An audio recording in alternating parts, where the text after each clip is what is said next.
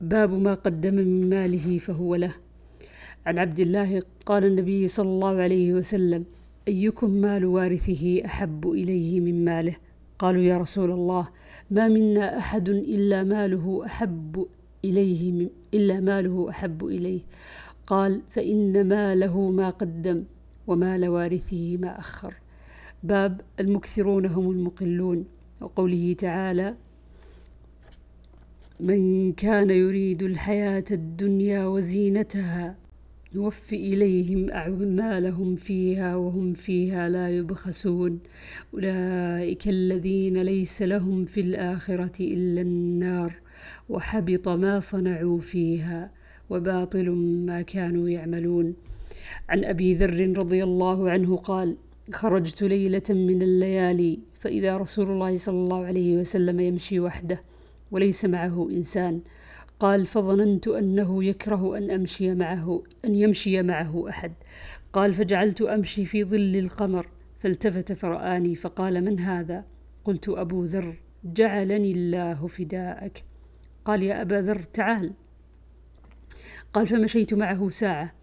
فقال إن المكثرين هم المقلون يوم القيامة إلا من أعطاه الله خيرا فنفح فيه يمينه وشماله وبين يديه ووراءه وعمل فيه خيرا.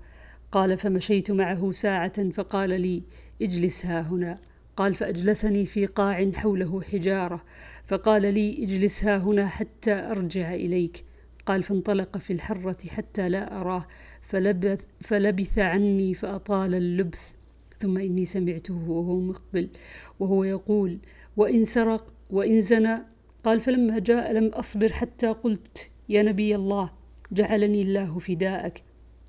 من تكلم في جانب الحرة؟ ما سمعت أحدا يرجع إليك شيئا.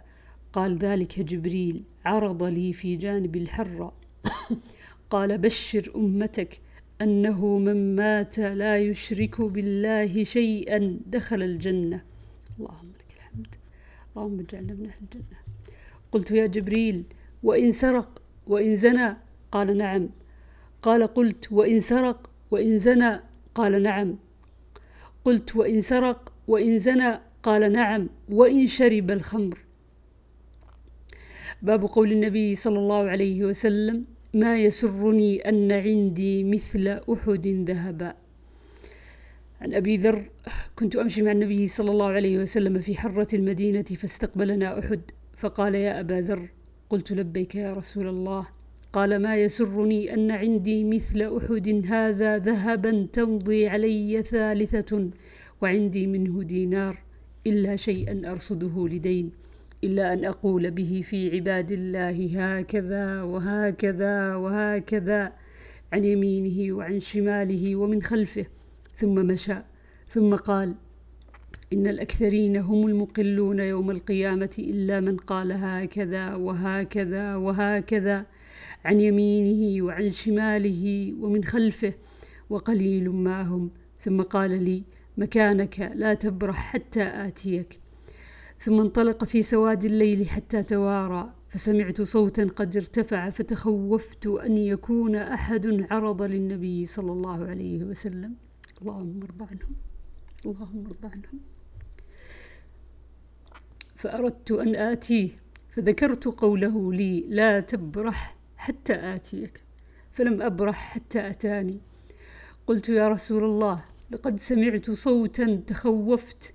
فذكرت له فقال وهل سمعته؟ قلت نعم. قال ذاك جبريل أتاني. فقال من مات لا يشرك بالله شيئا دخل الجنة.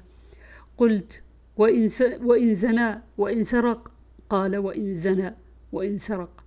عن أبي هريرة رضي الله عنه قال قال رسول الله صلى الله عليه وسلم لو كان لي مثل أحد ذهب ما يسرني ألا تمر علي ثلاث ليال وعندي منه شيء إلا شيئا أرصده لدين.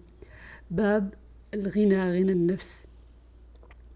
وقال الله تعالى أيحسبون أن ما نمدهم به من مال وبنين. نسارع لهم في الخيرات بل لا يشعرون. إن الذين هم من خشية ربهم مشفقون. والذين هم بآيات ربهم يؤمنون. والذين هم بربهم لا يشركون. والذين يؤتون ما آتوا وقلوبهم وجلة أنهم إلى ربهم راجعون. أولئك يسارعون في الخيرات وهم لها سابقون. ولا نكلف نفسا إلا وسعها.